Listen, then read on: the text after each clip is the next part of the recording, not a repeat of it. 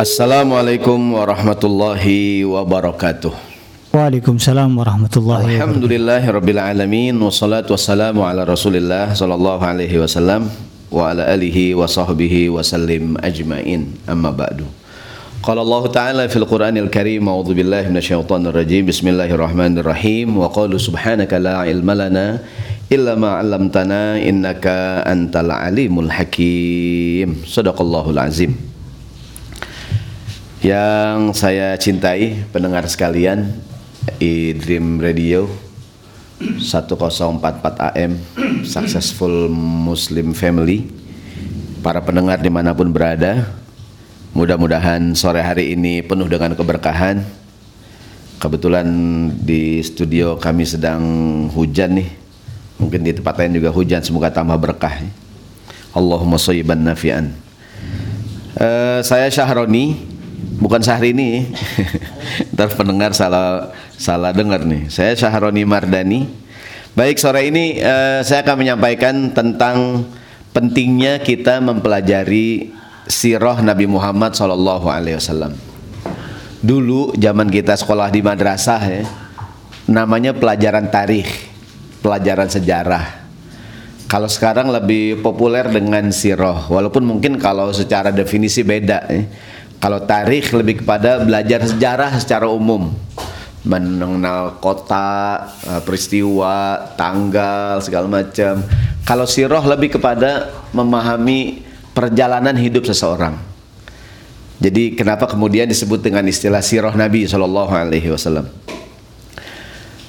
Baik saudaraku sekalian, para pendengar di mana pun berada, sebelum kita bicara mengenai kenapa sih kita penting belajar memahami, mengetahui sirah Nabi Muhammad SAW, saya mau sampaikan dulu tentang saya kita ingin mengenal dulu Nabi kita Muhammad SAW dari namanya. Jadi eh, mungkin beberapa menit yang pertama saya akan sampaikan mengenal Nabi Muhammad melalui namanya. Karena nama ini bukan nama sembarangan. Di dalam Al-Quran surat Asyarah atau surat Alam Nashrah ayat keempat Allah berfirman Bismillahirrahmanirrahim wa rafa'na laka dzikrak dan aku tinggikan sebutan namamu.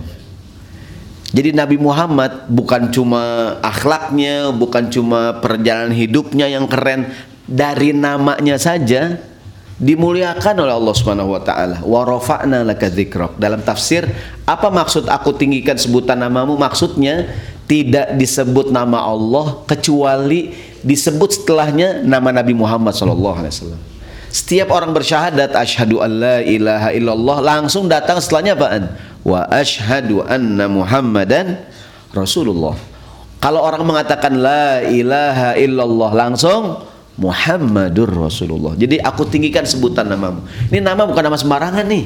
Nama Muhammad tuh nama keren. Tahun 1991 Pak Soeharto pergi haji.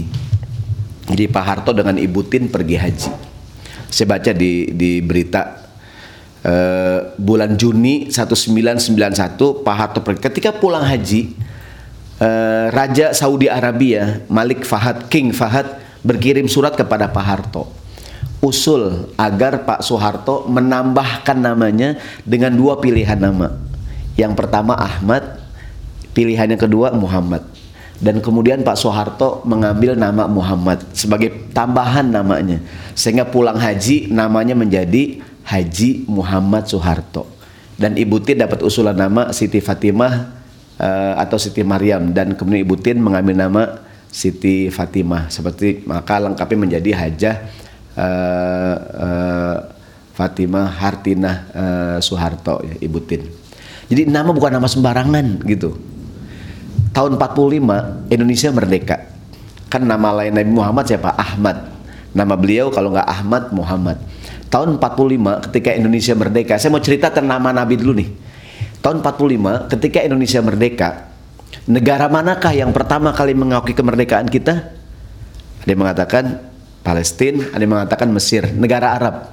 Saat itu ada usulan kepada Bung Karno untuk menambahkan namanya dengan nama yang lebih islami supaya orang tahu bahwa yang baru merdeka ini negara Islam mayoritas muslim kemudian Bung Karno menambahkan namanya dengan nama Ahmad maka menjadi insinyur Ahmad Soekarno. Ini buat nama karena sembarangan gitu. Ini nama-nama keren, maka berbanggalah uh, para pendengar yang punya nama Muhammad ya. Berbanggalah para istri yang suaminya namanya Muhammad. Tapi gini, kalau Nabi Muhammad panggilnya Muhammad, jangan Mamat. Ini kadang Muhammad, Muhammad artinya meninggal. Iya enggak? Kan Muhammad meninggal. Bismika Allahumma ahya. Maaf, uh, uh, uh, fil, uh, kita kalau doa tuh fil hayati wa ba'dal mamat. Mamat meninggal artinya. Mahmud juga itu eh, apa namanya Ahmad Muhammad Mahmud satu satu satu asal kata gitu. Yang namanya Mahmud manggilnya Mahmud jangan Amut. Amut meninggal artinya. Bismika Allahumma ahya wa bismika amut. Jadi mudah-mudahan berbanggalah si pendengar sekalian uh, Dream Radio yang punya nama. Jadi ini nama bukan nama sembarangan. Pernah Nabi Muhammad, saya ngomongin nama dulu ya. Pernah Nabi Muhammad dalam tafsir Ibnu Katsir, "Ya Allah, ya Rabbi." Beliau berkata, "Ya Rabbi, innahu lam yakun nabiyyun min qabli uh, illa waqad karramtahu." Ya Allah, semua nabi-nabi punya kemuliaan. Ya enggak? Semua nabi-nabi punya laqad ja'alta Ibrahim khalilan. Ibrahim kekasihmu. Wa Musa kaliman. Nabi Musa apa kelebihannya? Kalimullah, nabi yang langsung diajak bicara oleh Allah Subhanahu wa taala. Nabi Ibrahim kekasih Allah. Wasakharta li Daud al jibal. Nabi Daud bisa gunung-gunung tunduk sama Nabi Daud. Bahkan Nabi Daud bisa melemeskan besi. Wa alanna lahul hadid. Itu Nabi Daud tuh besi bisa bengkok. Kalau kita sendok ya. Cuman bawa dari rumah. Kalau sendok yang dari peserta, dari penonton nggak bisa. Wali Sulaiman dari hawasyayatin. Nabi Sulaiman tunduk di, di bawah kekuasaannya bangsa jin wa ahyaita li Isal mauta Nabi Isa dengan izin Allah bisa menghidupkan orang yang mati kan Nabi Isa itu mujizatnya mohon maaf ya ini orang yang buta diusap jadi melek yang kulitnya belang-belang nih diusap Nabi Isa jadi mulus yang jelek-jelek nih diusap jadi hancur Bahkan Nabi Isa orang udah meninggal diusap bisa hidup lagi. Maka namanya Isa al-Masih. Dalam bahasa Arab masaha yamsahu itu mengusap. Penghapus bahasa Arabnya apa? Mimsaha. Jadi Isa al-Masih, Isa yang dia suka dalam dalam riwayat karena yamsahu ra'sal yatim. Dia suka ngusap-ngusap kepala anak yatim. Gitu tuh. Dan mukjizatnya apaan? Masa hayam sahu dia orang di Isa itu yang buta diusap melek lagi. Namanya Isa al-Masih. Ini kan? Dalam riwayat ya ada yang menyebutkan anjuran usap-usap pala anak yatim. Ada nggak tuh? Ada ya? Siapa anak yatim? Anak yatim anak yang nggak punya orang tua dari kecil sampai balik.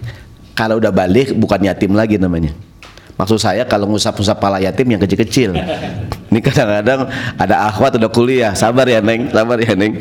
Kok begini pak Haji? Emang begini neng. Sunnah. Nah ini nanya pak Haji modus nih. Ya, pak Haji modus baik kita kembali.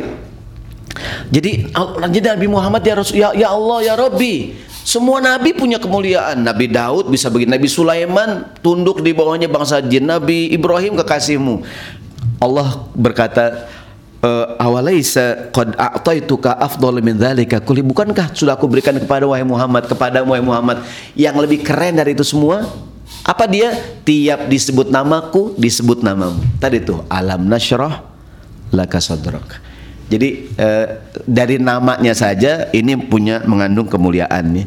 Bahkan di Quran, di Quran sebelum kita ngomongin kenapa kita penting belajar sirah, di Quran setiap Allah panggil nabi, nabi-nabi yang lain Allah panggil namanya. Nabi Isa Allah panggil namanya. Nabi Adam ya Adam uskun anta wa zaujukal jannah. Nabi Nuh dipanggil namanya begitu kapal yang mendarat ya Nuh ihbit bisalamin minna wa barakatin. Nabi Zakaria pengen punya anak dipanggil nama ya Zakaria inna nubashiruka bi ghulamin ismuhu Yahya. Nabi Yahya dipanggil nama ya Yahya khudil kitaba biquwah. Semua nabi dipanggil namanya, tapi giliran manggil Nabi Muhammad, Allah tidak memanggil namanya langsung. Di Quran ada 14 ayat, eh mana 14? 14 ayat Allah panggil Nabi Muhammad, tidak ada satupun Allah nyebut namanya. Allah menyebut dengan panggilan ya ayyuhan nabi. Kan orang kalau sayang nggak manggil nama. Kayak suami istri ini, pengantin baru. Kan lagi sayang-sayangnya itu. Manggil apaan? Beb, beb, beb, ya? Orang tuh kalau sayang nggak manggil nama biasanya, biasanya. Baik kita kembali. Jadi ini dari segi namanya aja nama yang dimuliakan. Bahkan ada riwayat mengatakan khairul asma mahumida wa ubida sebaik-baik nama yang mengandung pujian. Ahmad, Muhammad, Mahmud. Jadi berbanggalah para pendengar yang punya uh, nama uh, Muhammad. Dulu di kota Madinah ada wanita Ansor melahirkan bayi laki-laki dikasih nama Muhammad. Itu sahabat di kota Madinah pada ngomongin berani-beraninya kamu. Itu kan nama Nabi. Nama Nabi, apa kata ini perempuan? Aku kan cuma ngambil namanya doang kan, bukan ngambil gelarnya. Begini, orang Arab tuh ada tiga pendengar sekalian. Ada nama, ada kunyah, ada gelar. Kunyah sama dengan nama yang diawali oleh abu atau ummu. Contohnya uh, namanya Umar bin Khattab. Apa kunyahnya? Abu Hafsin. Yang ketiga gelar lakob. Apa gelar Umar? Al Faruq. Saya nih Syahroni Mardani nama saya. Apa kunyah saya punya anak namanya Umar dipanggil Abu Umar. Saya punya anak namanya Hasan dipanggil Abu Hasan. Saya punya anak namanya Wafa dipanggil Wafa. Itu namanya kunyah. Saya punya anak namanya Asma dipanggil Abu Asma. Itu namanya kunyah. Yang ketiga gelar. Karena saya pemberani, saya dipanggil Bang Pitung. Nah, itu contoh doang yang padahal kagak. gitu tuh. Nih saya mau tanya pendengar sekalian nih. Silakan jawab masing-masing di rumah dah. Saya tanya nih jawab masing-masing ya. Boleh nih uh, host kita jawab nih. Kalau saya Umar bin siapa? Bin Khattab. ya. Usman bin siapa? Bin Affan. Bin Affan. Ali bin siapa? Abi Thalib. Bin Abi Thalib. Abu Bakar bin siapa? Abu Bakar.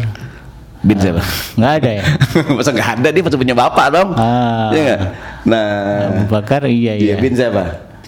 Nah Abu Bakar itu bukan namanya. Tapi kunyah. Abu Bakar kunyahnya. Ah namanya adalah Abdullah bin Abi Kuhafa. Iya, Abdullah bin Abi Kuhafa. Uh, namanya Abdullah bin Abi Kuhafa, kunyanya Abu Bakar, gelarnya As-Siddiq. Kenapa dikasih kunyah Abu Bakar? Maaf. Dikasih nama nih ceramah belum makan yang apa ya? Tahu tahu apa sih? Ntar katanya habis habis ceramah, iya, iya. habis ceramah makan ya. Apa tadi itu lupa saya. Uh, Jadi Abu Bakar itu Abu Bakar kunyahnya, kunyahnya. Jadi uh, nama aslinya Abdullah bin Abi Kuhafa. Ini di ini perempuan Ansor dibilang, "Aku kan cuma ngambil nama doang kan, aku tidak mengambil gelarnya kan nabi kita siapa namanya? Namanya Muhammad bin Abdullah. Apa kunyah Nabi? Ada yang tahu kunyahnya? Abu Abul Qasim. Yeah. Apa gelarnya? Rasulullah Shallallahu Alaihi Wasallam. Kata nih perempuan Ansor, aku kan cuma ngambil nama namanya doang Muhammad. Aku nggak ngambil nggak mengambil gelarnya Rasulullah. Nah, kedengaran ke telinga Nabi. Apa komentar beliau SAW? Kata Nabi, mendengar ada perempuan Ansor punya anak dikasih nama Muhammad. Kata Nabi, tasammu bi, bi ismi, wala takinnu bi kunyati. Silahkan kasih nama dengan namaku, tapi jangan menggunakan kunyahku. Jadi kata Nabi, ahsanatil ansor sammu bi ismi. Bagus nih perempuan ansor. Silakan kasih nama dengan namaku, tapi jangan menggunakan kunyahku supaya nggak saru. Ada yang mengatakan nggak boleh pas Nabi masih hidup. Kalau Nabi udah meninggal nggak apa-apa. Maka eh, termasuk yang sunnah adalah ngasih nama anak dengan nama Muhammad. Hmm. Maka orang tua zaman dulu tuh bang, itu banyak tuh anaknya kasih nama Muhammad. Cuma sayang M doangan, M Ridwan, M Amir, M Yusuf, ya enggak? M Yunus, cuman M doangan, mau sebutnya Muhammad. nih. Hanya kan Michael, Ustaz. Nah. Jadi M-nya tuh Muhammad. Baik kita kembali. Ini uh, mudah-mudahan uh, kenapa saya ceritakan uh, apa namanya tentang nama ini supaya kita mencintai nama Nabi kita Muhammad SAW. Dari namanya aja dimuliakan. Ada riwayat dari Ali bin Abi Thalib Beliau mengatakan begini, kata Ali bin Abi Thalib, "Idza samaitumul walada Muhammadan fa akrimuhu." Kalau kamu punya anak, kamu kasih nama Muhammad, muliakan dia. Kenapa? Namanya nama nabi. Betul nggak nih? Ntar nih bapak-bapak para pendengar nih ibu-ibu ya kan yang punya anak nama Muhammad beliin coklat dah. Ya kan kata anaknya tumben mah baik enak mama baru sadar nama kamu nama nabi nak begitu. Ya, suami nih Ibu-ibu nih yang para pendengar punya suami namanya Muhammad. Oh, ini nama bukan nama sembarangan kata Sayyidina Ali. Kalau anakmu namanya Muhammad muliakan dia. Fa'akrimuhu, muliakan dia. Yang kedua, wa ausi'u lahu fil majalis. Lapangkan dalam majelis. Maksudnya kalau ada acara-acara yang namanya Muhammad duduknya di depan, begitu tuh. Nggak? Atau kalau ngantri-ngantri nih, ngantri eh Muhammad duluan, gitu deh. Gimana kan kayak nama Selamat. Enak kan namanya Selamat? Enak tuh. Orang kalau namanya Selamat nggak usah ngantri, langsung aja dia ke depan. Kalau diprotes Pak, ngantri Pak, eh baca di tembok tuh, utamakan Keselamatan. Nggak? Jadi yang namanya Selamat nggak usah ngantri, Utamakan boleh langsung. selamat. Utamakan Selamat. Selamat. Baik kita kembali. Jadi dan kata Sayyidina Ali wala tuqabbahu wajhan jangan bermuka masam di depan dia. Jadi saudara sekalian, betapa mulianya Nabi kita. Namanya aja dimuliakan. Di Amerika Serikat ada petinju legendaris. Muhammad Ali. Jadi di di kota eh, di Hollywood ya. Ada ada ada trotoar di kota Hollywood eh, Walk of Fame. Jadi ada orang Amerika punya budaya menghormati para legendaris. Iya, iya. Jadi nama-nama para legenda diabadikan di jalanan di trotoar, Kasih dikasih bintang. bintang, Iya. gitu kan. Tahun 1992. Eh maaf, eh, tahun 1000 eh, tahun 2002 maaf. Tahun 2002. Kan Muhammad Ali meninggal tahun 2016. Iya.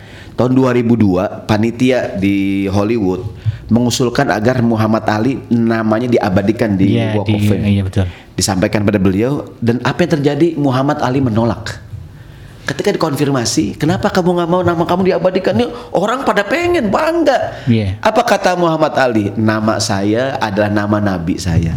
Saya tidak mungkin membiarkan nama nabi saya ditulis di jalanan dan diinjak-injak oleh orang lain. Masya Allah. perhatikan tuh dia memuliakan nabi. Panitia rapat lagi tuh bang.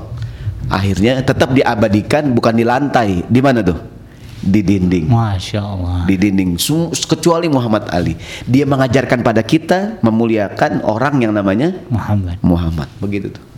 Ini mudah-mudahan kita mendapatkan pelajaran dari dari beliau. Bahkan saya 2019 kemarin baca berita Hmm. di Inggris termasuk nama bayi paling populer 2000 adalah nama Muhammad. Muhammad, Jadi Muhammad masuk ke dalam 10 nama bayi paling populer di Inggris. Di Inggris ya? Di Inggris. Bukan di Indonesia. Kalau seandainya di Indonesia, di Arab, di Mesir itu Biasa. biasa. Iya, iya. Saya dulu lama di Mesir. Di Mesir tuh orang naik Muhammad banyak banget. Kita kalau naik bis nih, panggil Muhammad, itu setengahnya nengok tuh. Banyaknya banyak. orang namanya Muhammad gitu.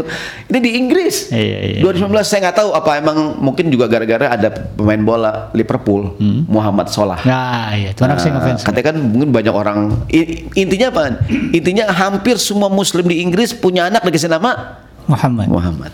Allah. Jadi dari namanya aja udah dimuliakan. Mudah-mudahan kita pun memuliakan nama. Jadi yang punya nama eh, Muhammad muliakan dia.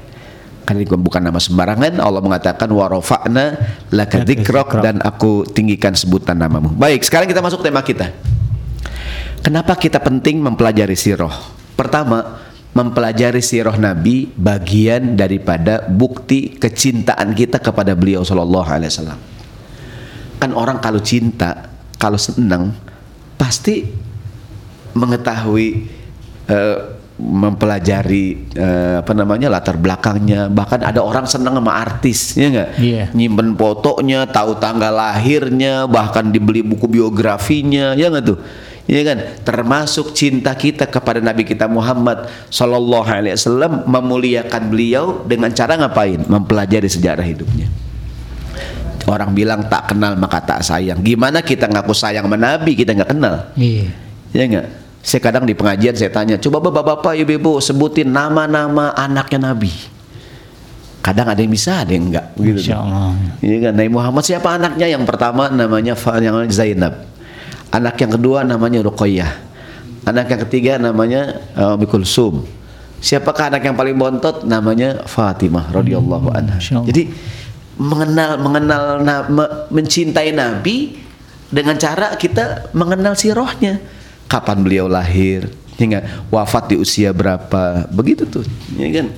Jadi selain kita berselawat kepada beliau Shallallahu Alaihi Wasallam, Ingat, tapi juga mempelajari sejarah kehidupan beliau. Bahkan saya saya termasuk bersyukur pada Allah alhamdulillah di daerah Mampang di Buncit ya saya ada masjid.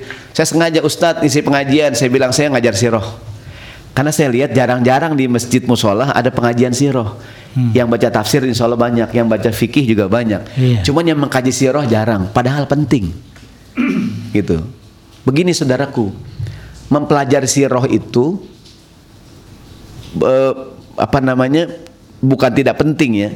Kan kadang orang belajar sejarah itu mengetahui nama, kota, menghafal nama, kota, tanggal, tahun itu penting. Tapi yang lebih penting adalah mempelajari sirah apa pelajaran yang kita ambil dari peristiwa tersebut. Apa kita contoh belajar sirah nih. Tahun 2 Hijriah ada perang Badar. Nabi Muhammad hijrah ke kota Madinah, ada peristiwa hijrah. Apa pelajaran dari segala peristiwa tadi? Jadi bukannya menghafal tahun itu nggak penting, penting menghafal tahun, tanggal, nama kota. Kita kadang-kadang belajar sejarah cuma ngapal tanggal-tanggal doang gitu. Kita belajar sejarah dulu kita belajar uh, penjajahan Belanda ke Indonesia. Kita cuma ngapal-ngapal tanggal doang. Tapi apa hikmah? Kenapa Belanda menyerang kita? Apa hikmah pelajaran dari peristiwa ini? Gitu tuh. Di belajar sirah itu yang penting di antaranya mempelajari apa hikmah yang bisa kita ambil daripada sebuah peristiwa yang terjadi. Yang kedua, jadi kan yang pertama kita mempelajari sirah dengan niat ngapain? Eh, sebagai bukti cinta kita kepada baginda Nabi Rasul Shallallahu Alaihi Wasallam. Yang berikutnya, mengapa kita mempelajari sirah? Mempelajari sirah dengan maksud tadi saya katakan mengambil pelajaran dari kehidupan beliau. Begini, peristiwa kan terulang ketika kita bisa jadi beragam peristiwa yang terjadi pernah terjadi di zaman Nabi Shallallahu Alaihi Wasallam. Seperti hari ini kita dalam suasana uh, apa namanya virus corona, taun, wabah, pernah terjadi di zaman Nabi. Ada arahan-arahan Nabi, ya enggak? Arahan-arahan beliau kalau kalian berada di luar jangan masuk ke wilayah itu. Kalau kamu di dalamnya jangan keluar, bertahanlah di situ. Kata Rasulullah SAW sampai meninggal dunia karena taun fahuwa syahidun dia mening dia matinya mati mati syahid. Jadi peristiwa itu pernah terjadi di zaman Nabi. Kita pelajari apa tugasnya mengaktualkan beragam peristiwa tadi dalam kehidupan kita sekarang. Jadi apa tujuan belajar sirah? Tujuannya mengambil pelajaran dari segala apa namanya dari segala uh, peristiwa yang terjadi dan kita aktualkan dalam kehidupan kita hari ini. Contoh, uh, sekarang orang merasa masih nggak enak gitu, Pak Ustadz. Kita biasa sholat di masjid, sekarang sholat di rumah nggak enak Pak Ustadz. Begini bang, zaman Nabi pernah terjadi. Contohnya kalau kita buka Sahih Muslim, hmm. ada sahabat Ibnu Umar, Abdullah bin Umar. Beliau bercerita An-Nafi an Ibni Umar jadi Ibnu Umar An-Nafi bercerita, Anna Ibnu Umar radhiyallahu anhu satu malam yang sangat dingin, hujan, angin, Ibnu Umar azan. Di tengah-tengah dia azan, ada kalimat azan Ibnu Umar dia bilang ala sallu fi rihalikum, ala sallu fi rihalikum, ala sallu fi rihalikum. Sahabat nanya, artinya sholatlah di rumah kalian masing-masing. Sholat di rumah masing-masing. Sahabat nanya, wahai Ibnu Umar, kenapa tadi kamu kok begitu azannya? Kata Ibnu Umar, dulu pernah Rasulullah SAW di malam yang sangat dingin, hujan bertiup, hujan hujan deras, angin bertiup kencang. Rasulullah menyuruh para amaro al muadzin, Nabi nyuruh para muadzin untuk mengucapkan kalimat ala sallu fi rihalikum, ala sallu fi rihalikum. Di zaman Nabi ada hujan, angin, dingin, bertiup kencang angin, Nabi suruh sahabat ngapain? Sholat di rumah masing-masing. Jadi kalau hari ini kita sholat di rumah karena ada uh, kita menghindari penyebaran virus corona, ya enggak? Itu hal yang yang biasa saja. Maksudnya gini, di zaman Nabi juga pernah terjadi. Iya. Karena ada bahaya, sholat aja di rumah gitu. Itulah fungsi kita belajar sirah, mengaktualkan peristiwa yang dulu dan kita kita uh, ambil hikmah di zaman sekarang. Kemungkinan besok kita Ramadan kan terawih di rumah. Sebagian bertanya-tanya begini bang Ustadz besok gimana ya kita terawih di rumah Pak Ustadz saya bilang begini bang kalau kita buka sejarah Nabi Muhammad aslinya terawih di rumah dalam Sahih Bukhari Aisyah Ummul Mukminin yang sekarang lagi banyak lagunya nih. Na na na na na na na. Yeah, saya nggak hafal. Saya kayak Saiful Jamil ini gitu nyanyi. Jadi Aisyah berkata di satu malam di bulan Ramadan kata Aisyah Nabi Muhammad sholat di Masjid Nabawi. Kayak teraweh. Sahabat ngikutin. Malam kedua Nabi kembali sholat di Masjid Nabawi teraweh. Sahabat ngikutin makin banyak Malam ketiga sahabat yang ngumpul makin banyak, Nabi nggak datang. Oke. Okay. Malam keempat yang datang nungguin Nabi makin banyak lagi, Nabi nggak datang lagi. Hmm. pagi harinya Nabi temuin para sahabat. Nabi katakan, Laqad alimtu ma sana'tum uh, laila asma aku aku tahu semalam kalian nunggu-nunggu aku kata Nabi. Fama yamnauni tidak ada yang menghalangi aku untuk ke masjid sholat bersama kalian kecuali aku khawatir menjadi wajib atas kalian. Masya Allah. Ustadz, kalau gitu sejak kapan orang terawih berjamaah? Pada zaman Khalifah Umar bin Khattab juga dalam Sahih Sahih Bukhari ada riwayat satu malam Umar bin Khattab ke Masjid Nabawi. Iya. Umar ngelihat para sahabat terawih sendiri-sendiri. Ada yang berlima, ada yang sekian orang, ada yang sendiri. Kata Umar, oh alangkah baiknya kalau sahabat, para sahabat aku kumpulkan dalam satu imam. Kemudian Umar menyuruh sahabat Ubay bin Ka'ab menjadi imam. Oke. Dan besok malamnya Umar kembali ke masjid ngelihat sahabat udah teraweh dipimpin oleh Ubay bin Ka'ab berjamaah. Apa komentar Sayyidina Umar? Ni'mal bid'atu hadi. Ini senikmat-nikmatnya bid'ah kata Sayyidina Umar. ya, ya. Silakan dirujuk di Sahih Bukhari. Iya, iya, iya. Jadi tugas kita ngapain belajar sirah nih? Mempelajari peristiwa zaman dulu dan kita aktualkan tuh zaman sekarang. Ustadz, kira kita udah beberapa minggu kita nggak ke masjid, Pak Ustadz. Rindu, rindu. Sembahyang di rumah rindu kita. Begini bang, sekali lagi silakan gini, eh, kitab hadis yang paling sahih kan Sahih Bukhari. Betul. Di Sahih Bukhari ada bab judulnya di, di kitab Al Masajid judulnya bab Al Masjidu fil Bait. Bab tentang anjuran membuat masjid di dalam Di rumah. rumah. Ada sahabat Al Barra bin Azib radhiyallahu anhu sholat uh, fi masjid darihi jama'atan. Dia pernah sholat di masjid rumah secara berjamaah. Ada sahabat lain namanya Itban bin Malik. Ada yang mengatakan dia buta, ada yang mengatakan dia udah kurang niat. Dia bilangnya Rasulullah, aku nih jadi imam di kampungku. Kalau hujan gede, hujan deras, jalanan banjir. Aku nggak bisa ke masjid jadi imam. Nabi tolong dong ke rumahku, sholat di rumahku. Ntar tempat yang kau jadikan sholat di rumahku akan aku jadikan masjid buat aku sholat di rumah. Esoknya Nabi datang sholat di rumahnya Itban bin Malik dan kemudian oleh Itban dijadikan masjid dalam rumah dia. Maka ada kesunahan bagus kalau di rumah kita punya tempat khusus buat ibadah. Wah, musola. Di rumah kita bang ada ruang makan, ada nggak? Ada. Ada ruang tidur ada nggak? Pasti. Ruang tamu ada nggak? Oh, iya. Ruang nonton TV ada nggak? Mantap. Ruang keluarga. Hmm. Tapi kita kita nggak punya ruang ibadah di rumah. Betul. Nyempil. Nah, kalaupun ada nyempil pojokan sarang nyamuk biasanya.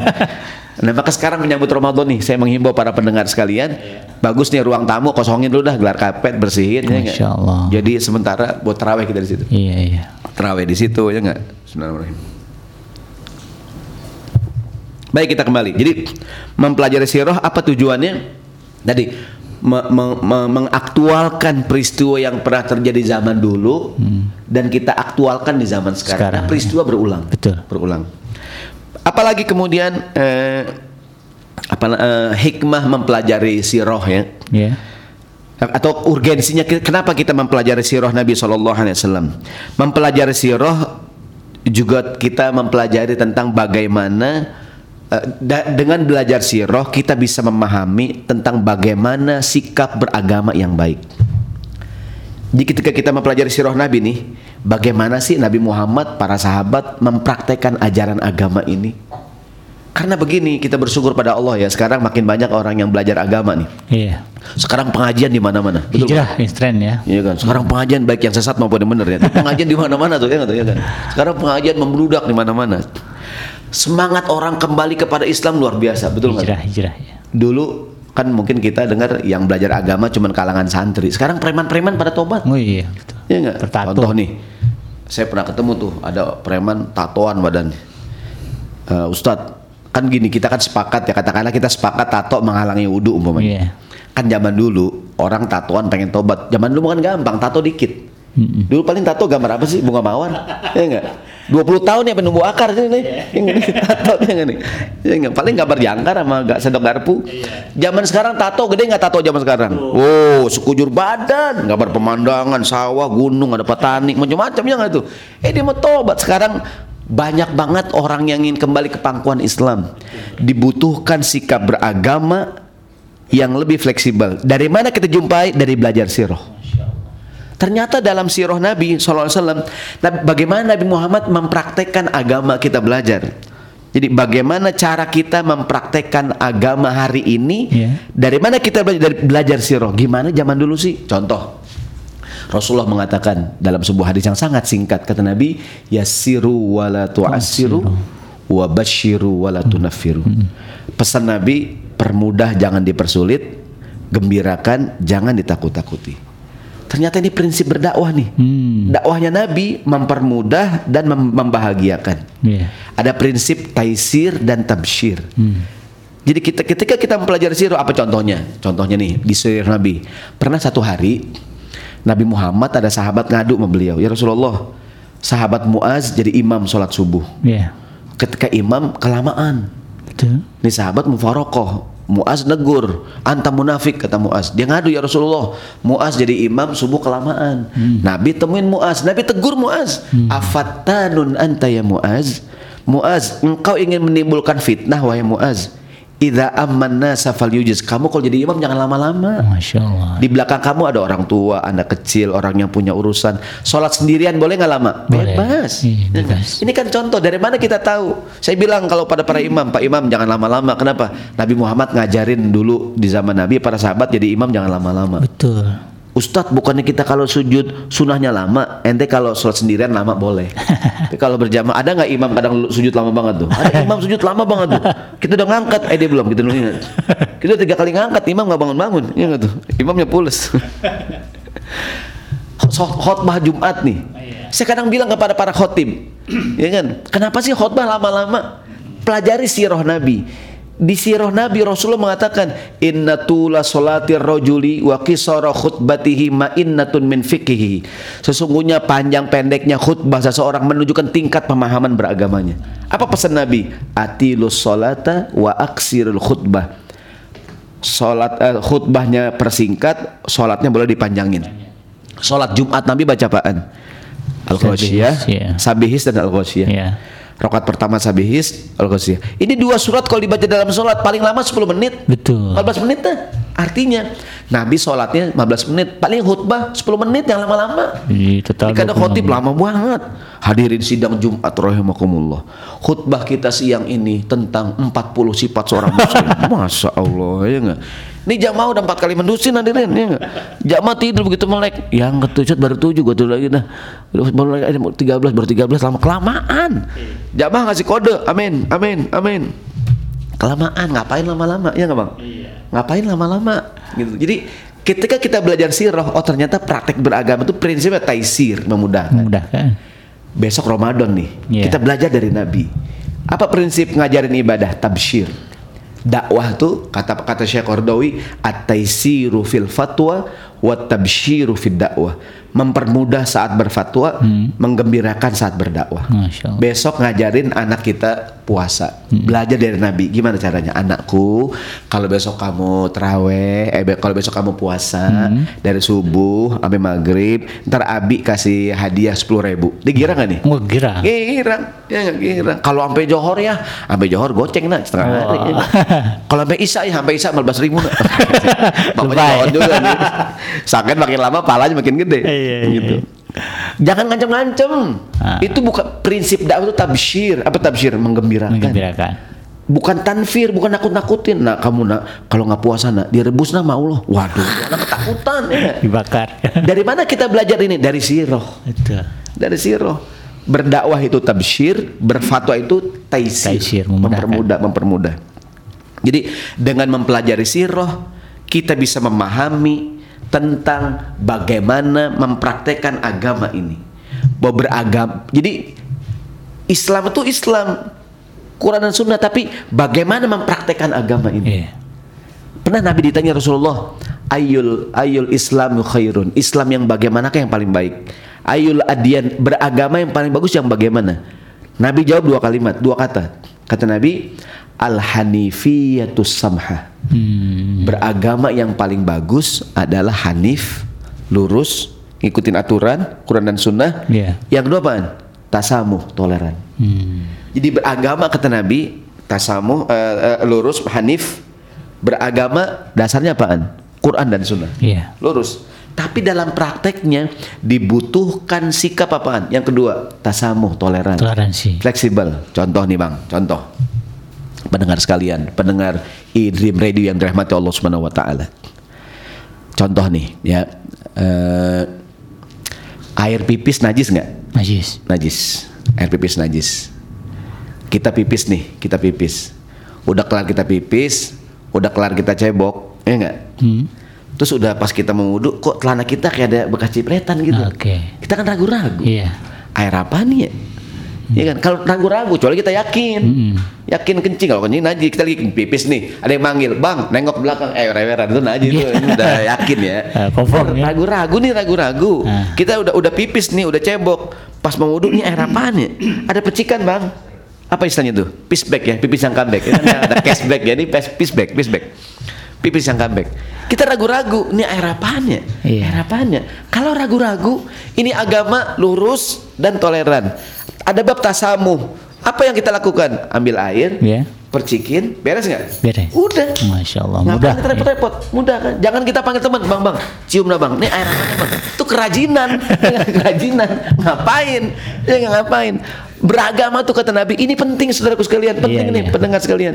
Tadi saya katakan bersyukur pada Allah hari ini semakin banyak orang belajar Islam. Betul, betul Ustaz. Fenomenanya adalah tidak sedikit yang berlebihan. Iya. Tidak sedikit yang bersikap tasyadud dalam beragama. Masya Allah. Harus begini, harus begini, harus begini.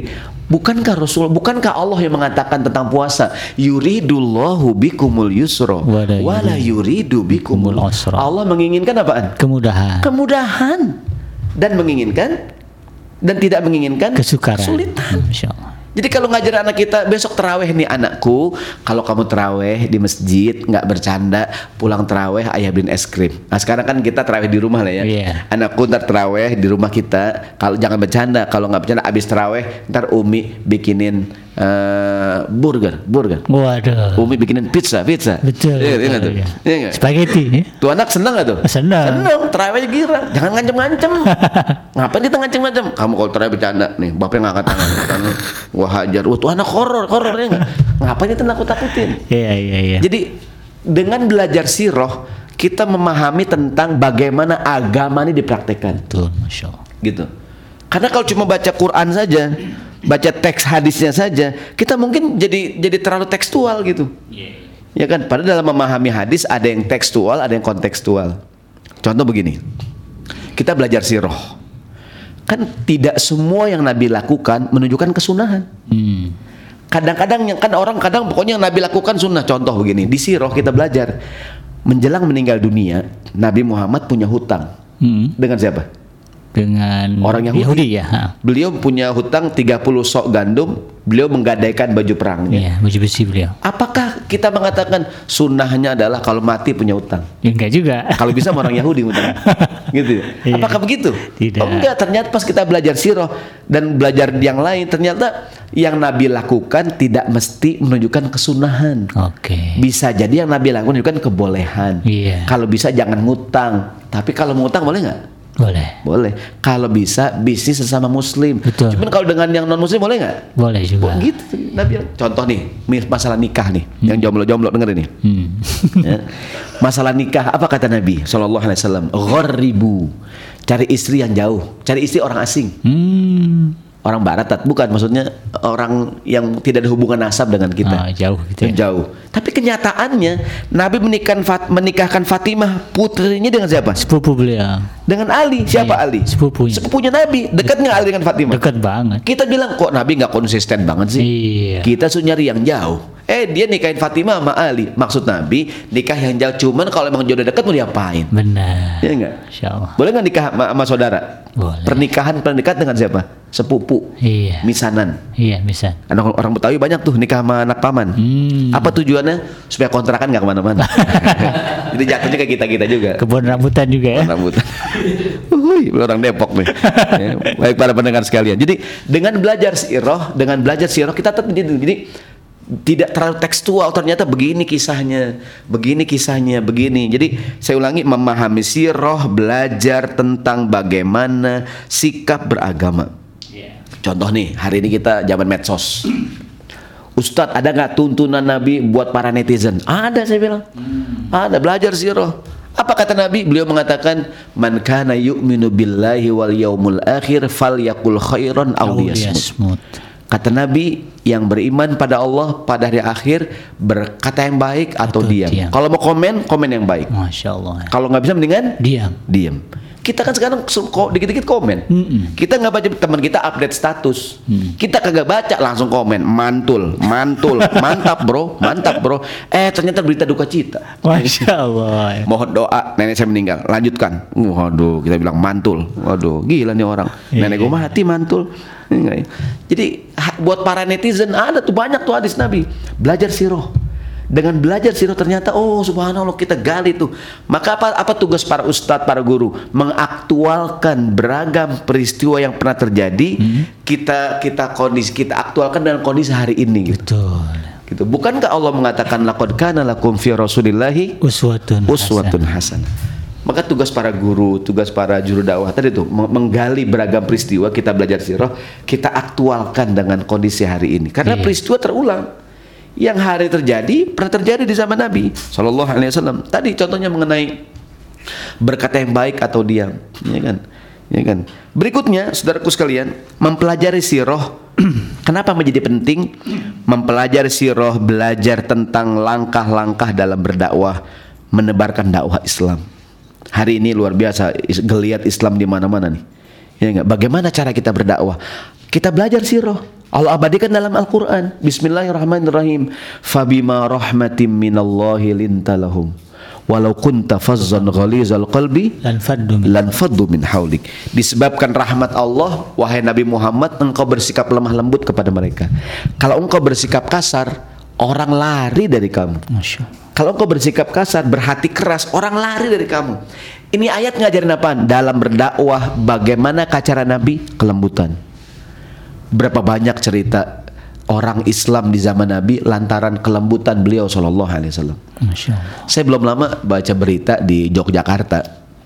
Ada seorang mahasiswi program S3. Iya. Mahasiswi S3 asal Jepang. Oke. Ini perempuan Jepang kuliah di Jogja ambil S3. Singkat cerita dia masuk Islam. Hmm.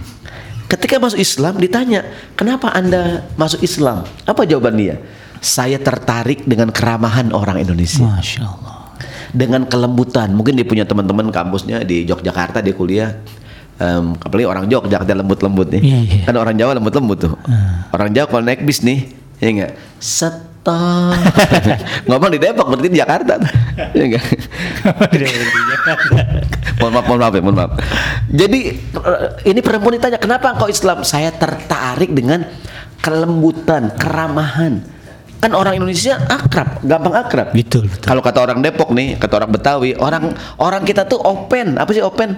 Bahasa Inggris open ya. eh, gampang akrab. Betul ya. Orang kita gampang orang kita nih bang, ketemu sekali kenalan, ketemu kedua minjem duit. Orang kita begitu tuh, gampang akrab ya enggak? Jadi Nabi Muhammad berdakwah lembut apa kasar? Lembut. Lembut. Dari manakah sumber kelembutan? Kasih sayang. Betul. Berikutnya, belajar sirah. Apa apa apa urgensinya belajar sirah? Apa sih penting belajar sirah? Dengan belajar sirah kita belajar tentang akhlak Rasulullah Shallallahu Alaihi Wasallam. Oke. Sekarang orang banyak yang mengatakan beradab sebelum berilmu. Berapa banyak orang punya ilmu nggak punya adab? Iya. Mentang-mentang sekolahnya tinggi sombong. Ada nggak nih? Banyak. Dia sekolah lantai 18, ya nggak? Ya nggak? Sekolahnya tinggi lantai 18. sombong, ya nggak? Sekolah tinggi ya. Jadi dengan belajar sirah kita belajar akhlak Nabi. Nabi orangnya sabar, nggak gampang marah. Hari ini bang orang gampang marah, betul nggak? Betul betul. Ini kalau lagi nggak nih, karena kan lagi lockdown nih, lagi PSBB ya, Iya. pembatasan sosial berskala besar. Kan kalau dalam keadaan normal ya Allah jalanan orang ya laron. Play Depok nih, ya orang kayak laron, ya nggak? Di jalan meng, motor, meng, ya. masya Allah. Orang gampang marah. Sekarang nih orang senggol dikit marah. Hmm, senggol bacok. Senggol dikit nih, buka helm. Lu nggak tahu siapa gua? Siapa yang tahu di jalanan ya nggak? Kita belum kenalan ya. Orang sekarang marah-marah nih ada anak muda naik moge nih bang di jalanan nih naik moge. Hmm, dia semua orang disalip sama dia. Swang, swang, swang. Ada anak muda panas. Wah, sombong banget nih mentang-mentang naik moge dikejar. Pas dekat, woi jangan belagu-belagu lu mentang-mentang naik moge, sombong banget. Bukan bang, saya ini remnya di mana remnya bang? Bingung lagi bingung nyari rem, bukan sombong bukan. Iya, iya, iya, Kita iya. kadang udah emosi duluan. Betul. Ya? Belajar nabi-nabi orangnya sabar. Sabar. Ada Pak Haji Pak Haji tuh. Ada Pak Haji masuk masjid, Hmm. marah-marah. Dibilang ini masjid apa nih? Masih dikunci katanya, ditarik kagak bisa, dorong kagak bisa, kunci. Pak Haji digeser, Pak Haji, eh digeser. udah marah-marah. Ingat, orang sekarang emosi, ya nggak? Emosi, emosi, gampang marah, Betul. gampang marah orang. Saya ngeligit marah-marah ngamuk. Besok bulan puasa nih, bulan puasa. Iya. Suami suka marah-marah, begitu dengar ajan marah-marah. Istriku, marah udah ajan di mana buka puasa? Dia ngapain aja tadi, bang? Ajan asar tuh bang, Hah? asar, bukan maghrib, bukan kok mirip banget. ya. Ngigo kali ya bang. Orang sekarang gampang marah ya nggak nih? Orang gampang emosi zaman sekarang. Betul, betul. Belajar siroh, belajar tentang akhlak Nabi. Nabi orangnya sabar, Betul. jangan istiqjal. Iya. Apa nih istiqjal? Jangan tergesa-gesa. Ustadz, bukan disegerakan baik iya, disegerakan baik, buru-buru jangan. Ngu- ngu- ngurus jenazah disegerakan. Iya. Empat perkara apain? Mandiin, kafani, sholatin, kuburin. Tapi yang paling penting yang pertama adalah pastiin kalau dia udah meninggal. Ini kadang-kadang ini ada kisah nyata bang, kisah nyata. Oh, ada orang iya. Betawi Gimana- tuh. gimana itu? Ada orang Betawi. Iya. Bapaknya punya banyak kontrakan, umurnya panjang. Masya Allah. Bapaknya pingsan dimandiin. Iya? Pas bapaknya bangun, apa-apaan bukan mati be, kurang ajar banget tuh katanya. Kira mati kali be. Nah kurang ajar duraka lu katanya. Jadi jangan terburu-buru. Ini kadang orang anak muda nih buru-buru anak muda. Iya iya. Kadang-kadang jomblo-jomblo pengen nikah buru-buru sabar. Ada seorang sahabat dan belajar sirah belajar Hmm. Oke, sirah. oke. Di zaman Nabi, seorang sahabat ketemu Nabi. Ya Rasulullah, aku mau nikah dengan perempuan Ansor. Nabi Hmm. tanya, "Anazor ilaiha?" Udah lihat belum? Oh, Oke. Kata nih sahabat, enggak Nabi. Kata Nabi, unzur ila- lihat dulu kata Nabi. Hmm. Fa inna fi ayunil ansor syai'an. Orang ansor tuh perempuan matanya beda dikit. Kan mata orang beda-beda ya nggak? Iya, iya. Kan kita orang Melayu matanya belok ya. Iya, Orang iya. Cina kan matanya sipit tuh. Betul. Kalau orang Eropa matanya biru. Iya. Kita kalau sakit mata kita kuning. Iya? Kalau marah Merah. Ngeliat duit Hijau. hijau gitu. Kata Nabi lihat dulu, lihat dulu, ya nggak? Kata Nabi bahkan dalam buku fikih itu ada an-nazaru min ajlil khitbah, boleh ngelihat calon dengan tujuan mau khitbah. Oke. Jadi jangan teristijal, terburu-buru. Ada nggak nih? Kita buru-buru sekarang ya nggak buru-buru. Tuh ada tebak-tebakan anak saya tuh, "Us- Abi, kenapa Superman telan dalamnya di luar? Hmm. Diburu-buru, diburu-buru ya nggak? Di istijal pas lah, kok di, di luar telan dalam balik gitu. Itu Superman istijal. Iya. Iya. Begitu keluar baru sadar telan dalamnya Di luar. Baik, jadi kita belajar dari sirah nih bang. Iya. Jadi kalau belajar sirah ya Allah Nabi orang sabar, Nabi itu sabar ya Allah berdakwah Nabi sabar. Ikhlas. Apalagi akhlak Nabi pas kita belajar sirah tawadu. Apa tawadu? Tidak sombong. Ya enggak? Nabi orangnya dermawan bulan Ramadan. Ya enggak pas belajar sirah kita belajar karena Rasulullah SAW ajwa dan nas wa ajwa ma yakunu fi Ramadan. Masya Allah. Nabi orangnya sangat dermawan. Lebih lebih lebih lagi pas bulan Ramadan. Ramadan. Iya.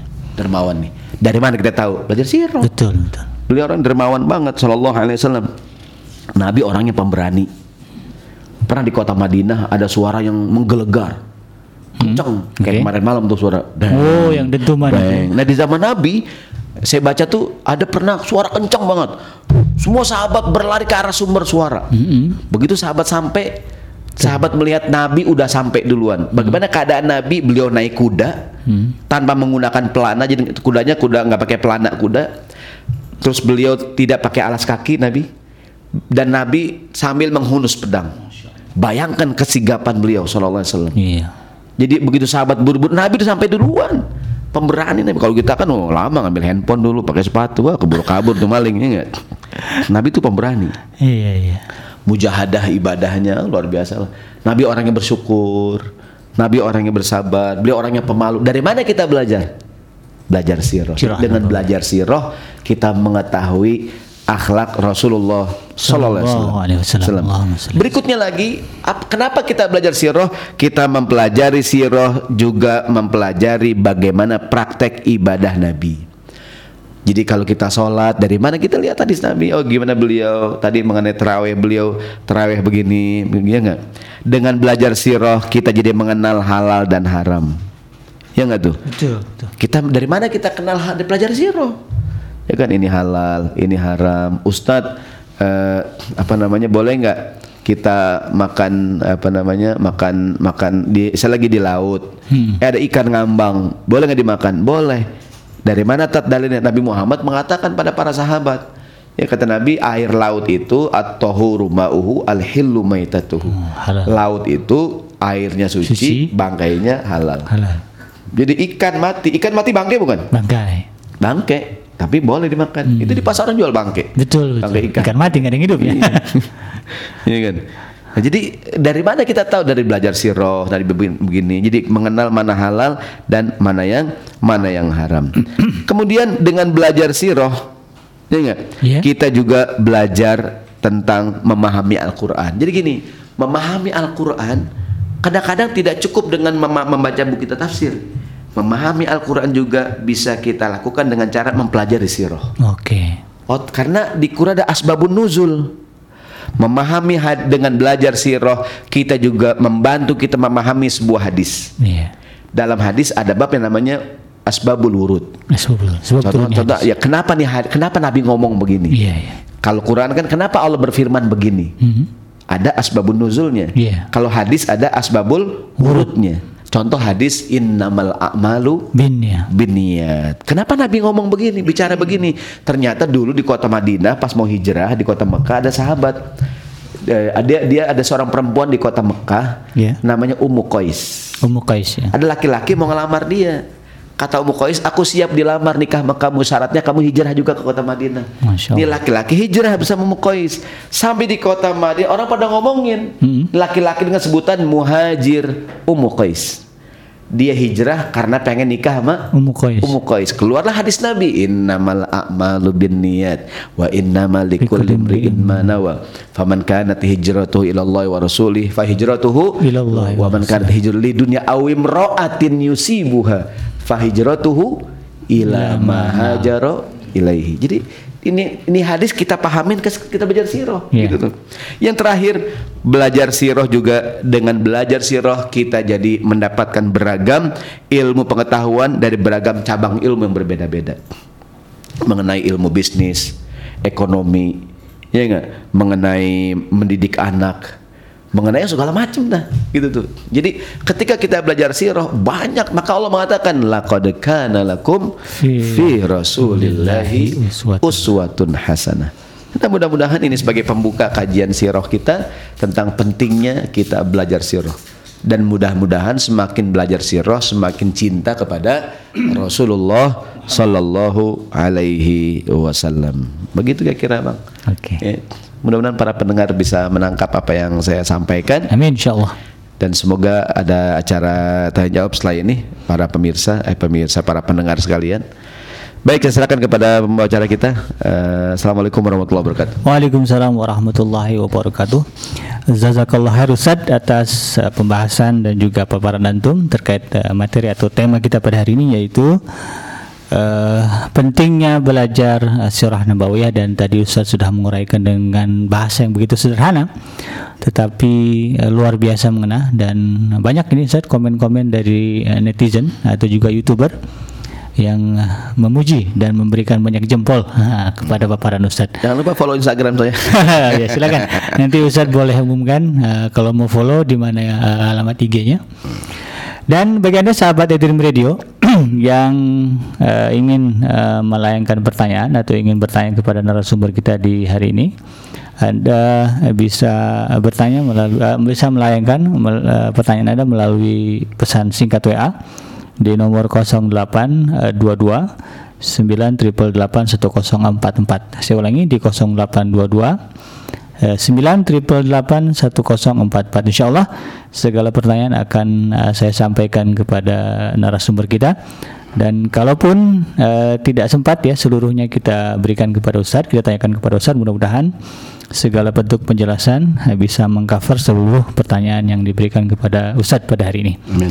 Dan tidak lupa juga bagi Anda yang eh, menyaksikan kita melalui channel YouTube kita di iDream TV, saya ingatkan kembali untuk menekan tombol like dan juga subscribe karena itu merupakan bagian eh, dari dukungan nyata Anda kepada kita untuk eh, mengembangkan ya, mengembangkan langkah-langkah dakwah yang ada di iDream Radio dan juga di iDream TV. Dan eh, juga saya ingatkan bagi Anda yang ingin berkontribusi untuk eh, mendapatkan pahala jariah ya atas eh, eh, video-video dakwah yang ada di iDream Radio. Anda bisa memberikan donasi Anda melalui rekening Bank eh, Syariah Mandiri di nomor rekening 712 330 776. Saya ulangi di Bank Syariah Mandiri di nomor 712 330 776 ya. Mudah-mudahan donasi yang Anda berikan ini menjadi ladang pahala yang besar bagi Anda karena memang salah satu eh, hal yang akan menyelamatkan kita adalah pahala yang kita bawa kepada Allah Subhanahu wa taala nanti ketika kita sudah menghadap Allah Subhanahu wa taala. Tidak lama Ustaz ini sudah ada eh, dua orang penanya di nomor WhatsApp kita. Mhm. Yang eh, pertama ini dari Ukhti Ayu dari Cinere Depok. Assalamualaikum Ustadz. Nah, mau bertanya sama warahmatullahi Sahroni. Ada dua pertanyaan Ustadz. Yang pertama, bagaimana cara menumbuhkan eh, cinta eh, kepada Nabi, terutama eh, pada generasi muda ya. Yang kedua, bagaimana kita menyikapi orang yang menghina Nabi kita Muhammad SAW. Sikap kita ya. Ya, Langsung aja deh bang. silakan. Baik, Bismillahirrahmanirrahim ya. Jadi eh, bagaimana pertama kita menumbuhkan cinta kepada baginda Nabi Shallallahu Alaihi Wasallam. Jadi biasanya apa pun ya sesuatu itu apalagi sesuatu yang keren, sesuatu yang yang eh, mulia, sesuatu yang punya banyak kelebihan. Sejarah gimana cara menumbuhkannya? Pertama nih tugas kita bersama yang paling jawaban paling gampang sih ya kita belajar. Kita belajar. Kita, kita kita kita baca riwayat beliau, ikuti biografinya, eh, maka kalau kita mendengarkan mendengarkan sejarah Nabi Muhammad tuh, kita menambah cinta kepada beliau Shallallahu Alaihi Wasallam. Iya. Maka sekali lagi tugas kita semua nih bukan hanya para ustadz, para guru, siapa pun kita pegiat di media sosial, para pembuat film, para pembuat konten-konten gitu kan, bikinlah konten-konten yang baik, di antaranya konten tentang sirah Nabi. Hmm, ya ini penting. Kan eh, sekarang semua orang punya TV, Betul, betul. semua orang sekarang punya radio, Punya gadget juga ya? punya gadget. Maksud, maksudnya, maksudnya punya TV itu orang bisa bikin TV sekarang. Iya, iya. Semua orang punya warung sekarang. Iya. Tapi apa apakah yang sekarang jadi sekarang konten? Sekarang medsos kita penuh dengan konten-konten yang yang katakanlah mohon maaf ya konten-konten film-film yang tidak baik. Bagaimana tanggung jawab kita membuat konten yang baik termasuk konten tentang sirah Nabi Muhammad SAW. Iya. Mudah-mudahan kita lakukan di sore hari ini bagian dari itu gitu. Mudah-mudahan yang mendengarkan kajian ini tambah cinta sama Nabi. Karena kalau semakin kita membaca sejarahnya, semakin cinta kita. Kan sekarang ada yang mengatakan konten is the king ya. Jadi sekarang yang berkuasa kan konten. Kalau jadi ini dunia maya kan banyak konten nih. Betul. Jadi kita jangan cuma ngeluh doang nih semua film jelek-jelek. Mana film bikinan kita yang baik? Betul. Nah, gimana, gimana cara menumbuhkan kecintaan kepada Nabi? Eh, seringlah mendengar eh, eh, katakanlah ada kajian sirah Nabi kita hadir. Iya. Baca buku tentang Nabi Muhammad. Eh, bukan hanya membaca sejarahnya, membaca apa pelajaran dari peristiwa-peristiwa ini. Dan mudah-mudahan kalau kebetulan di lingkungan rumah kita ada masjid, ada musola, di kantor ada kajian, bikinlah kajian sirah. Iya, kajian. Saya bukan penting undang saya ya, undang saya alhamdulillah ya. Ya kan? Amin, amin Ode, ya. ode ya. Bikinlah kajian sirah gitu sehingga Iya. Kalau bisa menang tak- saya ya. Tak kenal maka tak sayang. Betul, yang kedua, bagaimana sikap kita terhadap orang yang menghina Nabi? Negara kita negara hukum. Betul. Langkah yang pertama ya kalau udah melanggar undang-undang ya adukan ke kepolisian. Hmm. Ya kan kalau pertama kita berikan nasihat orang ini dengan nasihat yang baik. Kalau sudah yang dilakukan sudah dianggap melanggar aturan hukum, kita negara hukum melaporkan pada yang berwenang. Betul. Nanti kepolisian yang pihak berwajib yang akan menindak gitu. Jangan anarkis. Iya. Karena negara kita negara hukum, sesuaikan dengan cara hukum. Iya, Wallah alam bisawab. Baik eh, untuk Ayu, eh, Ukti Ayu di Cinere, eh, dua pertanyaannya sudah dijawab Ustaz.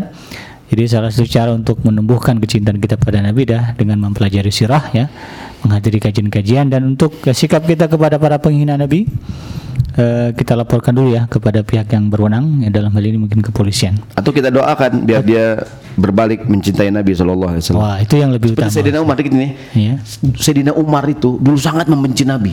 masya Allah. Umar tuh membenci Nabi. Kok tiba-tiba Umar bisa Islam? Kan pada Umar tuh sangat membenci dulu di kota Madinah. Eh, di kota Mekah maaf, ada dua orang yang sangat menghina Nabi, membenci Nabi.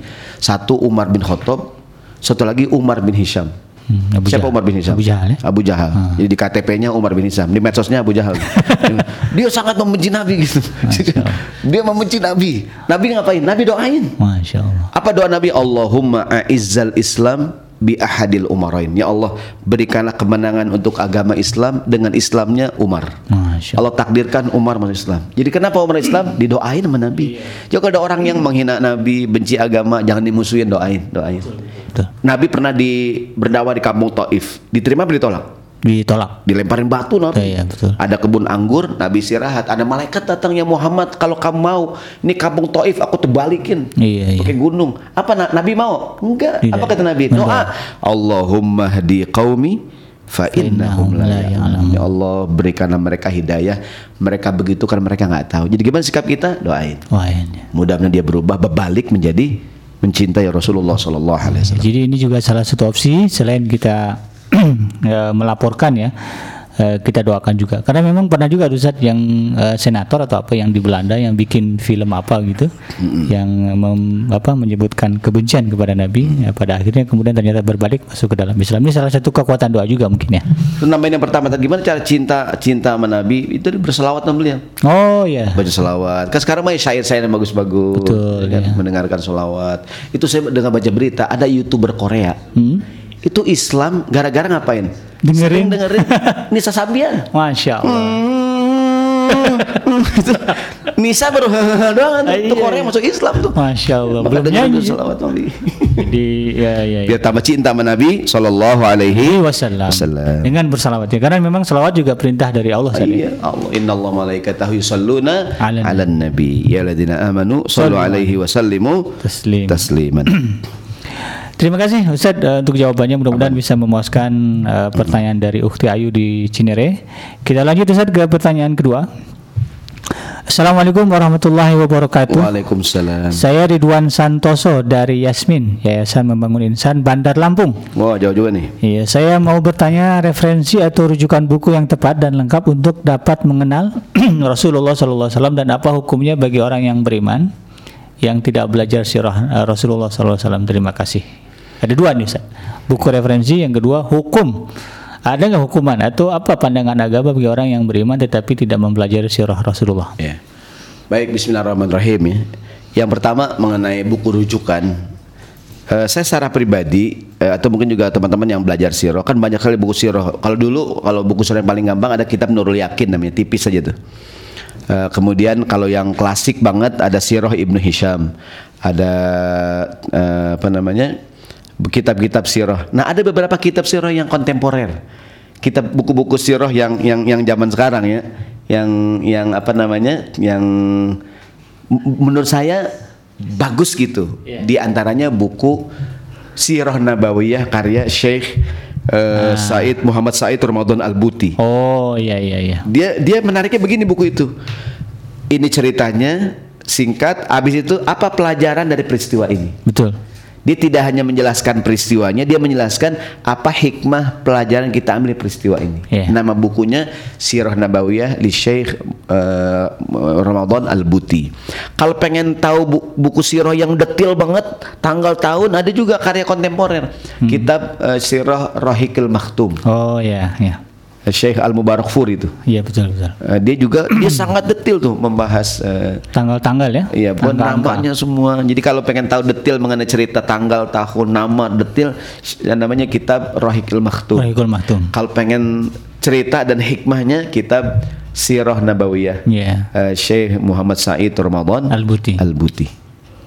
Kemudian mengenai gimana orang yang tidak belajar sirah. Iya. Pertama kalau secara hukum kan ada ada ada hadis Nabi. Iya. Rasulullah mengatakan "Ut- to- eh, eh, tolabul ilmi fariidatun ala kulli muslim. Nuntut ilmu hukumnya Wajib. wajib bagi seorang muslim. Nah, sekarang ilmu yang mana yang wajib? Betul. Ilmu ada dua. Eh, wajib ada dua, fardu ada dua. Satu fardu ain, dua fardu kifayah. Hah. Nah, yang dimaksud dengan hadis ini fardu ain adalah ilmu tauhid. Menuntut ilmu tauhid hukumnya fardu ain. Selain ilmu tauhid namanya fardu kifayah. Contohnya nih ilmu sirah, ilmu fikih, ilmu tafsir, ilmu hadis, ilmu komputer, ilmu nuklih, ilmu apa pun. Kalau udah ada yang belajar, kewajiban gugur. Hmm. Tapi kalau di Indonesia nggak ada yang nggak ada pakar tafsir, nggak ada pakar hadis, nggak ada pakar nuklir, nggak ada pakar komputer, dosa kita semua. Masya Allah. Gitu tuh. Dosa lah ya. Dosa. Kalau nggak ada yang kalau nggak ada yang belajar. Iya, iya. Tapi kalau sudah ada yang belajar, gugur termasuk siroh. Jadi siroh itu fardu kifayah. Fardu kifayah. Kalau udah ada yang belajar, gugur kewajiban, Kewajiban kita. kita. Gitu. Tapi ya dianjurkan kita mengenal Nabi SAW. Jadi kalaupun kita belajar siroh, ya kita mendapatkan pahala dan karena mempelajari mencintai Nabi. Tapi kalau bagi yang nggak belajar, tidak menyebabkan tidak berdosa kecuali semuanya nggak ada yang belajar. Oh, ini ya. poin. Yang fardu ain adalah ilmu tauhid. Tauhid, ya. Jadi tolabul ilmi fardhatun ala kulli muslim. Ilmu yang mana yang wajib? Ilmu Ilmu, tauhid. tauhid. Iya, jadi- Selebihnya fardu kifayah. Nah, jadi Allah- termasuklah sirah nabawiyah. Ya jadi jadi kalau kalau nggak belajar sih nggak apa-apa, cuman rugi aja gitu. Ya nggak? Tidak mengambil keutamaan lah gitu ya. Bikinlah kajian-kajian sirah ya. Betul. Oh, itu mah nggak mesti ngundang saya gitu. kode kode kode. Iya. Baik, eh, jazakallah atas atas jawabannya. Mudah-mudahan bisa memuaskan pertanyaan dari akhi kita eh, Ridwan Santoso di Bandar Bandar Lampung ya. Kita lanjut Ustaz ke penanya berikutnya. Assalamualaikum warahmatullahi wabarakatuh Ustaz Sahroni Mardani Eh, senang sekali dengan Ustadz yang santai Wah. Eh, belajar sirah belajar sirah itu apa hanya lewat buku-buku sirah nabawiyah atau ada buku-buku yang lain kalau ada eh, buku apa yang recommended ya terima kasih Ustaz Ya. Baik, eh, selain buku yang saya sampaikan tadi, dengan belajar tafsir juga kita belajar. oh tafsir ya Contoh kita belajar tafsir Ibnu Katsir. ya Nah, di situ juga ada asbabun nuzul ayat beragam peristiwa di zaman Nabi Shallallahu alaihi wasallam. Ya. Atau kita belajar eh, ada kalau kitab hadis yang paling gampang kitab hadis Riyadhus Shalihin.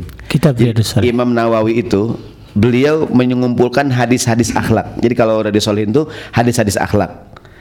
Eh, jadi eh, dan juga betul-betul hadis-hadis pilihan. Jadi kalau pengen belajar akhlak Nabi, bu- buka bacalah buku di antaranya kitab hadis Riyadhus Shalihin. Jadi dengan belajar kitab Riyadhus Shalihin juga bisa jadi rujukan kita belajar sirah. oke Karena dalam Riyadhus Shalihin itu mengenai eh, akhlak-akhlak beliau SAW.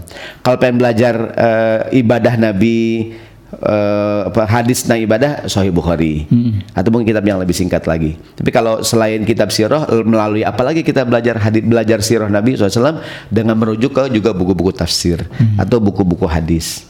Atau juga ada karya eh, Imam Ibnul Qayyim ya ada kitab eh, Zadul Ma'ad juga eh, kumpulan eh, apa namanya riwayat-riwayat terkait dengan baginda Rasul Shallallahu Alaihi Wasallam.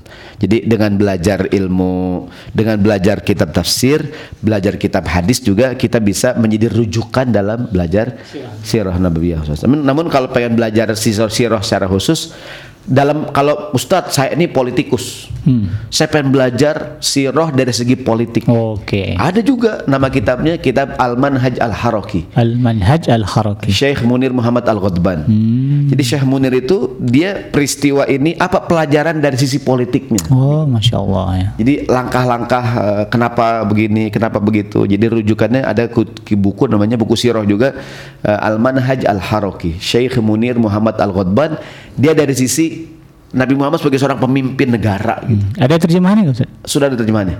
oh di Manhaj Al-Haraki. Oh, al haraki jadi bagi anda nih yang mau jadi anggota DPR Ya langkah-langkah langkah-langkah kebijakan politik Nabi, langkah-langkah dalam berdakwah ngambil keputusan. Ya, siap siap Ustaz.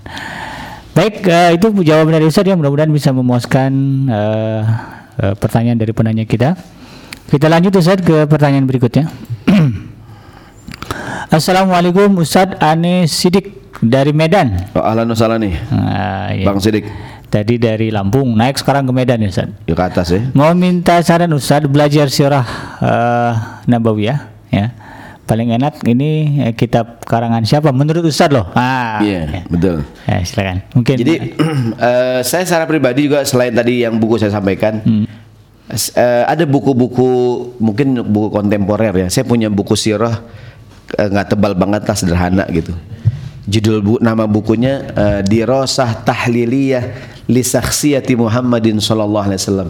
Kira-kira terjemahannya eh, kajian mendetil tentang kepribadian Nabi. Hmm, Di buku itu dipelajari tentang latar belakang beliau, kemudian eh, sifat sifat kemanusiaan se- sebagai manusia biasa.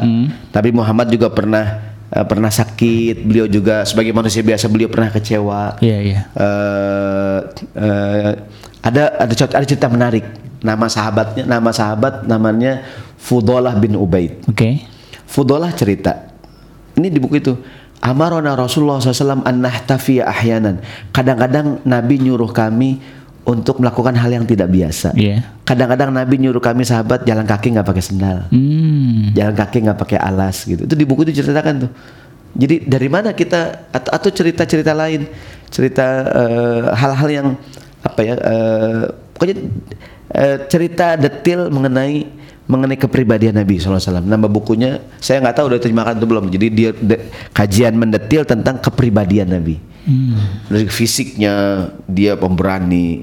Ali bin Abi Thalib pernah bercerita, kami kalau sedang berkecamuk perang kata Sayyidina Ali, Iya. kalau kami ketakutan, ka- kami kata Ali, eh, kami bersembunyi berlindung di belakang Nabi SAW.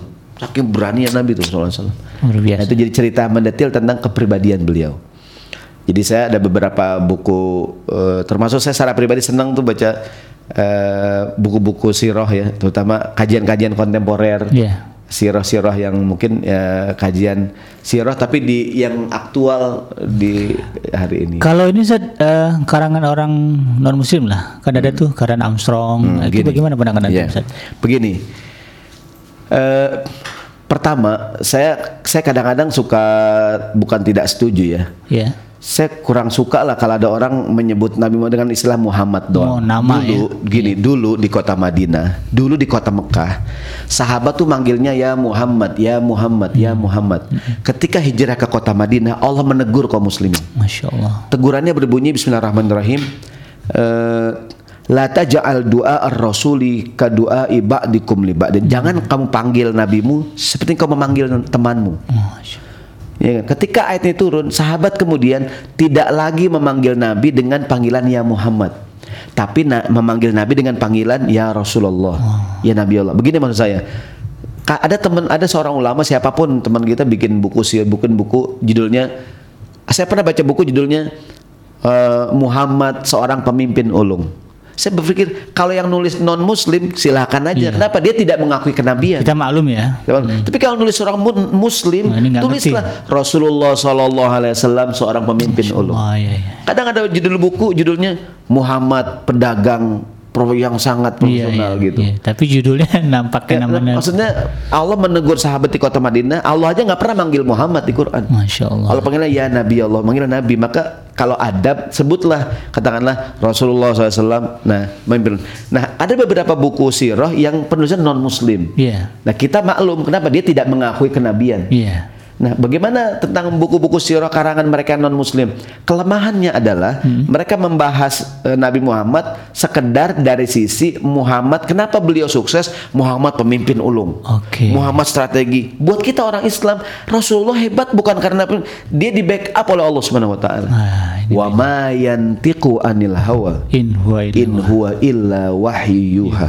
Dalam perang Badar, wa ma romaita id romaita walakinnallaha roma. Bukan kamu yang melempar ketika engkau melempar, tapi Allah yang melempar. Iya. Maksudnya karena kita muslim, ken- kenapa perang Badar Nabi menang? Karena Allah tolong. Betul. Perang Badar kan banyak ayat Al-Qur'an tuh. Kenapa ke- pada peristiwa hijrah rumahnya dikepung? Kenapa Nabi keluar? Allah tolong Nabi. Betul. Nabi keluar dari rumahnya ada riwayat mengatakan beliau baca ayat wa ja'alna min baini aidihim sadda wa min khalfihim faghshaynahum Fahum ada yang mengatakan mereka melek cuma Nabi keluar mereka nggak ngelihat. Ada yang mereka ada yang mengatakan Nabi keluar mereka ketiduran. Boleh nih kita naik bis baca itu. Wa ja'alna min baini aidihim supirnya tidur. Bukan kenaik yang tidur. Itu lagi ditilang. ya itu nggak boleh itu ngutang ya. jadi begini maksud saya. Eh, mereka yang non muslim ketika menulis buku eh, biografi Nabi Muhammad ti- ti- tidak membahas dari sisi dia sebagai seorang nabi menghilangkan sisi sisi kenabian Iya iya. iya. maka judulnya ke- kepemimpinan Muhammad pemimpin ulung strategi buat kita bukan itu Kenapa Nabi menang? Karena di backup oleh Allah Subhanahu wa taala. Nah, itu yang poin. Ditambah lagi beliau punya strategi yang bagus juga. Itu Iya. yang tidak dibahas dalam buku-buku Iya iya. Nah, karena ada sebagian teman-teman juga mungkin senang baca buku karya seperti Karim Armstrong ya, Iya Karen Karen Armstrong. eh, atau beberapa penulis Muhammad biografi. Prophet judulnya. Nah, jadi mereka me- me- me- meng- jangan jangan terlalu bangga ketika ada non Muslim buku bikin buku tentang Nabi. Iya. Mereka hanya membahas dari sisi Kemanusiaan Nabi. Kemanusiaan jadi pemimpin ulung strategi. Buat kita orang Islam penting bu, belajar buku sirah karya para ulama kita Iya. agar kita sadar bahwa dia itu adalah Rasulullah Shallallahu Alaihi Wasallam. Betul betul. Jadi kalau dari orang ateis ya kita tidak melihat Allahnya. Eh, Tapi ketika ada, iya, gitu. ketika kita belajar dari kitab-kitab kalangan ulama kita, eh, itu akan membesarkan Allah Keimanan. Subhanahu wa taala. Itu pentingnya. Eh, sangat menarik eh, jawaban dari Ustaz. Kita lanjut Ustaz ke penanya berikutnya.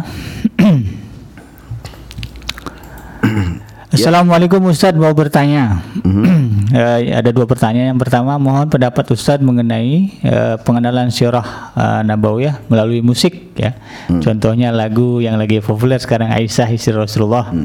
Yang kedua eh, ini udah dijawab sebetulnya eh, buku reko- eh, yang direkomendasikan dari Ustaz. Jadi pertanyaan pertama saya Ustaz tentang eh, pengenalan eh, sirah nabawiyah ya melalui lagu seperti yang sekarang lagi tren. Silakan Ustaz. Baik, Bismillahirrahmanirrahim ya. Tentu sebuah karya ada kekurangan dan kelebihan. Tapi Iya. kita mengapresiasi eh, gini, mungkin kalau bilangnya daripada lagu yang nggak benar Iya. dengan lagu-lagu yang benar katakanlah begitu. Iya. Cuman tentu saja semua sebuah karya pasti ada pro kontra lah. Karena tidak sedikit juga yang kontra dengan lagu itu katanya. Karena gini, yang diceritakan di lagu itu kan Aisyah hanya eh, apa namanya istri Nabi. Tidak menceritakan Aisyah tuh ahli hadis. Iya. Aisyah tuh gurunya para sahabat. Aisyah tuh mujahadah. Iya. Aisyah tuh berjuang luar biasa. Jadi begitu mendengar lagi itu kesannya romantisme. Iya. eh, mohon maaf ya jadi lagu cinta-cinta gitu. Iya, iya, iya. Gitu kan. Tentu sebagai sebuah karya kita mengapresiasi. Iya, betul. Sebuah hal yang baik gitu kan memperkenalkan istri Nabi Aisyah gitu kan. Namun ya namanya juga sebuah karya ya siap-siap saja pe- penciptanya ya namanya orang kasih masukan, kasih ini. Semoga karya berikutnya lebih bagus lagi. Tapi kita mengapresiasi gitu mengapresiasi. Nah, sekarang bagaimana dengan mempelajari eh, apa namanya mempelajari sirah Nabi dari lagu-lagu ada tuh ada sebuah lagu kosidah Iya. yang saya nggak tahu awal kalau nggak salah dulu oleh eh, Habib Syekh ya, yang lagu Abdullah Oh, Muhammad sang nama, Nabi, ya. iya, Muhammad sang Rasul. Abdullah nama ayahnya Aminah ibundanya. Abdul Muthalib kakeknya. Abu Talib pamannya. Khadijah istri setia. Aisyah Fatimah putri tercinta. Dan seterusnya. It- dari lagu itu kita belajar nasab Nabi Iya iya, anak-anak terutama Ya, bagus. apa tuh anak-anak ya kan di usia na na na na na na na na na na na Ustaz lupa kayak itu. Saya saya mau jamin kan. Jadi lagu itu bagus. iya iya iya, saya ingat. Ya, jadinya dari lagu itu kita belajar um- di umur 8 tahun wafat di apa di, dua bulan di kandungan wafat ayahandanya. Itu kan orang langsung hafal dua tahun di umur beliau beliau di kandungan ayah meninggal dunia. Iya, Iya kan? Nah, nah, nah, nah, gitu kan. Kemudian dilahirkan sesuai adat yang ada disusui Halimah gitu kan beliau dari lagu itu tuh syair itu tuh sederhana dan kita belajar sirah. Jadi sebuah karya pasti punya eh, Kekurangan dan kelebihan dan kelebihan. kekurangan. Tentu kita mengapresiasi semua karya-karya itu cuman sebagai ya namanya sebuah karya kan eh, mudah-mudahan juga menerima masukan-masukan supaya karya berikutnya lebih baik lagi. Jadi kalau ditanya gimana Ustadz belajar sirah dari ya bagus-bagus saja. Kalau dari film gimana Ustaz?